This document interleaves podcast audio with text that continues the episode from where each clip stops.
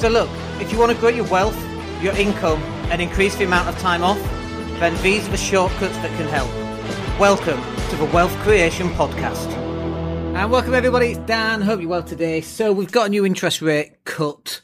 Uh, not an inflation interest rate cut. We've got inflation. We've got a new rate of inflation. Sorry for pa- panicking everybody there. Not sure what planet I'm on myself today. Uh, inflation's now at 4.6%, which sounds amazing, doesn't it? Like compared to where we were, where it's like, I mean, the official figures were like 9%, but we all know that's bullshit anyway. Like food was at least 20%. Rent apparently was 4.6% or some ridiculous thing. Well, there's no way on this planet did my rent go up only 4.6%. We were putting rents up 15, 20% depending. I mean, just ridiculous. And, and people were paying it as well. Um, because interest rates had risen so much. And so, just something I really want to kind of make sure that people understand here. Just because inflation has now dropped below 5%, that doesn't mean that we've got price cuts, right? Like the BBC kind of don't understand this because we go to supermarkets and we go, oh, inflation's down. Have you, have you felt the prices being cheaper? And it's like, no, that BBC, that's not what, that's not what an inflation, uh, drop means. Inflation's still 4.6% which means prices still rise. They're just not rising as much as the 10%. And I just don't really understand why the BBC and other news media outlets are available too. They don't really seem to understand it either. Um, like in the last six months, 7.3 million families went without essentials like food, heating, and adequate clothing. Uh, just ridiculous. That's from the Joseph uh, Foundation. They're also not in my, um, they're not my buddies. They, they want to tax landlords more kind of can't um, meet the connection between uh, charging landlords more tax and rents increasing. They're a bit thick as well, quite frankly. They need to be sacked, along with the Bank of England. And so let's talk about interest rate cuts. Uh, do you think there's going to be an interest rate cut? Bank of England interest rate cut? Not a chance. What, when these guys want half a million pounds a year, why on earth would they want an interest rate cut? Telling everybody else not to have um, have a wage rise, why would they be worried about the the minnows, the little people? Um, you know, I'm quite strongly opinionated on this. You think they give a shit about the smaller people? Do you think they care about dropping interest rates um, and making life a little bit easier? Bullshit. So I don't think there's going to be an interest rate cut. Sorry for the blunt reaction there, but that's just where we are. And you know, inflation at 4.6%. I still think we're on this rocky thing, right? Like, it's not the Bank of England um, putting interest rates up that's changed inflation rate and brought inflation down. Like, it might have had the tiniest, smallest effect, but there's no way on this planet that that's the main reason why inflation is now just 4.6%, which is way above the Bank of England target, which I think is 2%, by the way. So it's at least double what they think is going to happen. The only reason inflation has come down is because fuel costs have probably got lower and the Ukraine situation has stabilized somewhat. Not that it's stabilized at all, right? Like, just, you know, chuck some grass up into the air and see which way it lands. That's basically inflation right now. It's not down to some um, logistical, fantastic planning by Rishi Sunak and uh, the Bank of England. Nobody has a bloody clue what they're doing. It's fairly obvious. Um, so interest rate cuts. What do you think? Do you think we're going to have one?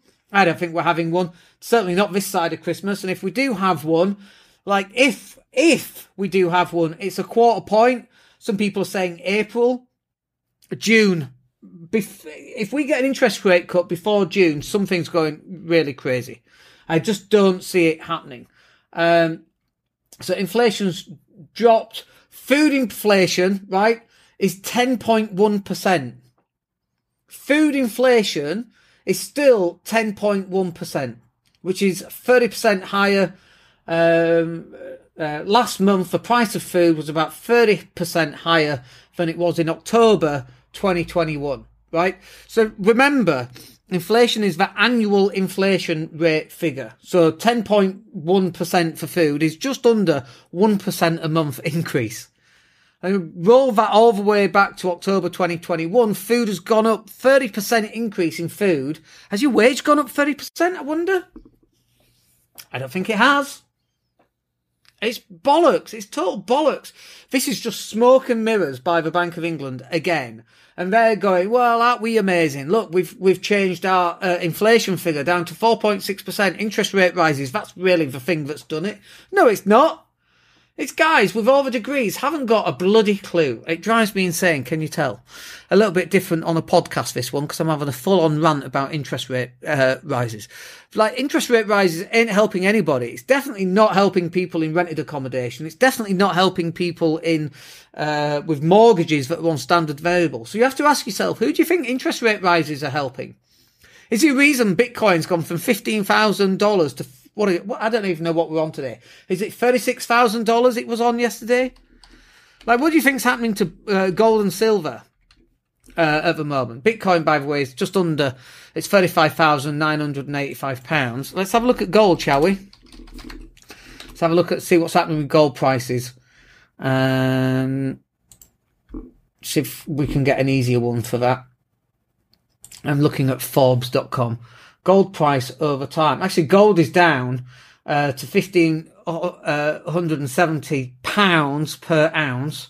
It did reach a high of uh, sixteen fifty four, but compared with uh, February twenty twenty two, it's thirteen hundred, and now it's at 1500 so it's definitely gone up not as much as you'd expect but i think gold and silver prices i think that's going to be going up as well uh, there's all sorts of different things at play here, by the way, and it's never what you think it is. Literally, it is never what you think it is. Uh, let's have a look at silver price charts as well. Um, not easy to find, sadly. I should have just had a look on. Anyway, I don't invest in gold or silver because it's a, a, a, silly investment, just like Bitcoin's a silly investment. It's a complete gamble. Uh, even though we've got Bitcoin, we'll still continue to have Bitcoin. Uh, but look, there's all sorts of these different things going ahead right now. Your best uh, choice right now is to increase your income massively.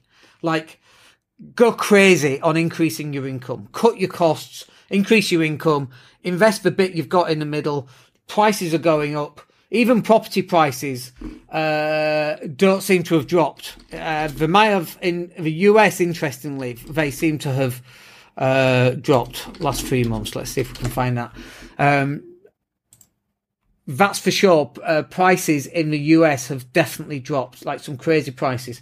I was just going up and down all over place. Um, and actually, this is out of date. This is March 2023. So God knows what's going on. But you should be cost uh, dollar cost averaging. If you dollar cost averages average for Bitcoin, you'd be up. Uh, certainly when the price was $15,000, one of the things that we did was uh, invest in Bitcoin continually over that period of time, dollar cost averaging. Now it's $35,000, so it's doubled. Um, so like the only way around it is increase your income, cut your costs, dollar cost average, start spending some money on buying assets. But right now it's about protecting your income and getting as much income as you can. Uh, inflation, will it go down next month? It might go down, but I think we're going to have another hit. I think it'll go up again at some point. Uh, interest rate cuts.